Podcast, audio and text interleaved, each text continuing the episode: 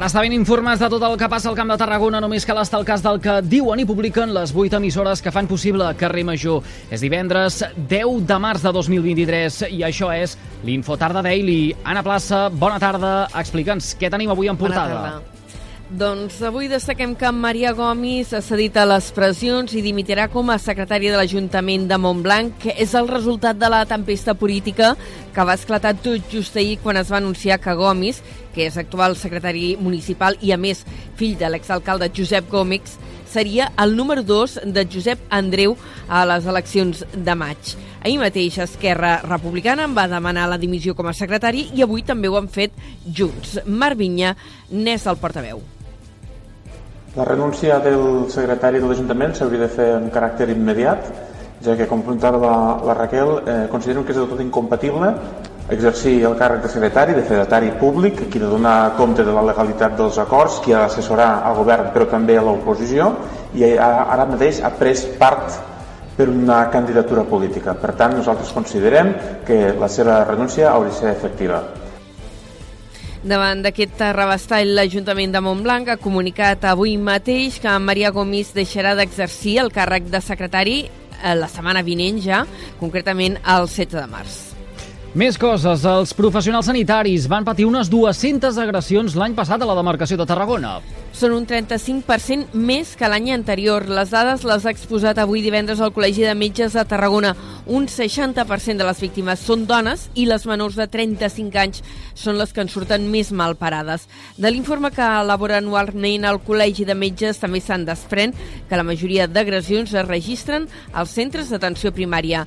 Manel eh, Carasol és el secretari del col·legi posar també l'èmfasi que en, un, en el clima de reivindicacions del nostre sector constant i el fet que aquestes reivindicacions doncs, no obtinguin eh, la resposta que nosaltres voldríem, això potser està generant la idea de que amb nosaltres tot s'hi val. El Col·legi de Metges ha habilitat un apartat al web per denunciar les agressions. Centrem-nos també en d'altres informacions. El Forja s'abasteix amb tres camions cisterna al dia a causa de la manca d'aigua potable al municipi. La situació no és nova, ja fa mesos que dura. De fet, des del juliol passat, el Forja capta 100 metres cúbics diaris d'aigua d'aquífers, però aquesta quantitat és insuficient per cobrir la demanda. A més, es troben amb que l'aigua subterrània del poble té un excés de nitrats. L'alcalde eh, Joan Josep Garcia ha anunciat el projecte de fer una planta desnitrificadora per poder aprofitar aquesta aigua. Al Forja també estem afectats perquè tenim nitrats i tenim, tenim, per exemple, un aqüífer que podria ser interessant, que té uns 10 metres cúbics hora eh, de captació d'aigua, però com que té 200 de nitrats, doncs no podem utilitzar aquesta aigua per ús de boca. I ara el que s'han plantejat és de muntar una planta desnitrificadora el projecte d'aquesta planta està previst adjudicar-lo la setmana vinent. S'instal·larà al costat d'un dels dipòsits municipals de l'aigua i des de l'Ajuntament calculen que podria estar en marxa en uns dos mesos. Paral·lelament, el Forja està eh, redactant un projecte juntament amb les Borges del Camp i Riu de Cols per connectar aquests tres municipis del Baix Camp amb la xarxa del Consorci d'Aigües de Tarragona. I Protecció Civil ha activat. La proximitat del Camp de Tarragona. Dèiem que Protecció Civil ha activat el nivell 2 del Pla Alfa per l'elevat risc d'incendis en 15 comarques de Catalunya. I ho destaquem perquè algunes d'aquestes comarques són del nostre territori. És el cas del Baix Camp, el Priorat, la Conca de Barberà, el Baix Penedès i l'Alt Camp. La mesura s'allargarà durant tot el cap de setmana i no es descarta incorporar-hi més zones. El motiu és el que el risc d'incendi aquests dies ha pujat molt eh, per l'increment de les temperatures, per la intensa sequera i també per l'entrada d'un intens vent de ponent. Lidl invertirà 13 milions d'euros en la posada en marxa d'un magatzem provisional de 40.000 metres quadrats a Constantí. L'equipament ha de permetre atendre les necessitats operatives de l'empresa abans de la construcció del nou centre logístic, que tardarà més temps. La voluntat és que aquest magatzem provisional pugui començar a funcionar ja a mitjans de l'any vinent. Tindrà quatre mòduls d'emmagatzematge i una superfície total de 40.000 metres quadrats. Es calcula que la inversió eh, per adequar aquest espai serà de 13 milions d'euros. A Reus, l'Ajuntament ha aprovat el projecte tècnic de la futura zona de baixes emissions. El projecte compta amb finançament dels Next Generations i contempla la instal·lació dels elements físics i també de les eines tecnològiques per poder controlar eh, aquest accés de vehicles en determinades zones del municipi per reduir les emissions de CO2. El contracte de subministrament i instal·lació de tot l'equipament necessari es licitarà amb un pressupost de 800.000 euros. I a Tarragona l'Ajuntament negocia amb la Sareb per disposar de més pisos i donar resposta a l'emergència habitacional. Avui l'alcalde i la regidora d'Habitatge s'han reunit a Barcelona amb un dels directius del conegut com a Banc Dolent amb la voluntat d'arribar a acords de col·laboració.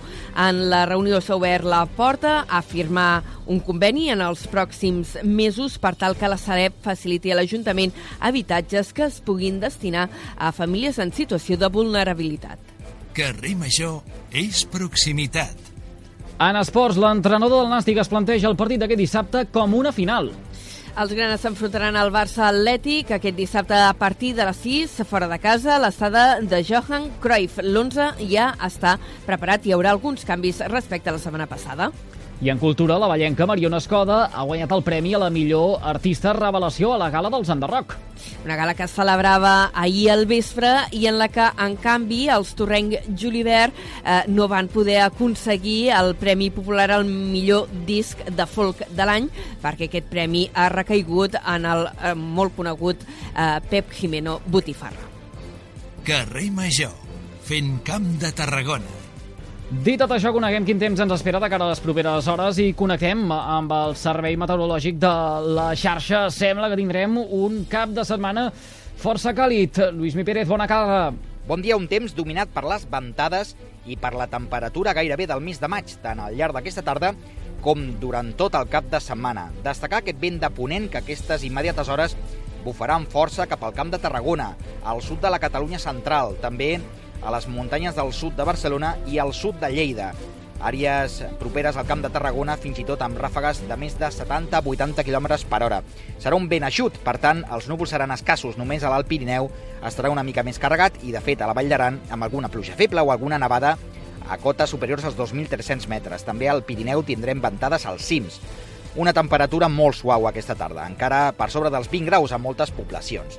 El cap de setmana, compta demà amb el vent, sobretot a l'àrea més poblada de Catalunya, Camp de Tarragona, àrea metropolitana de Barcelona, vent de ponent que també farà que hi hagi mala mar, sobretot demà fins al migdia. Els núvols més gruixuts enganxats a l'Alt Pirineu. I diumenge baixarà la temperatura a Barcelona i Girona, però encara alta al Pla de Lleida i les Terres de l'Ebre. En aquelles zones arribarem fins als 24, 25, 26 graus de màxima. El diumenge, amb quatre núvols esfilagarçats i sense cap mena de conseqüència. Ho anirem seguint aquí a la xarxa. Gràcies, Mi. Doncs sí, eh? Bona calda, bona calda. Ara sí, ho deixarem aquí. Anna Plaça, gràcies també per aquesta pinzellada informativa amb el més destacat de la jornada al Camp de Tarragona. Que vagi bé fins després. Adéu-siau. I tots vostès poden recuperar l'info Tarda Daily d'aquest divendres 10 de març mitjançant les xarxes socials de les 8 emissores que cada tarda passegen plegades pel carrer Major. Gràcies per seguir-nos.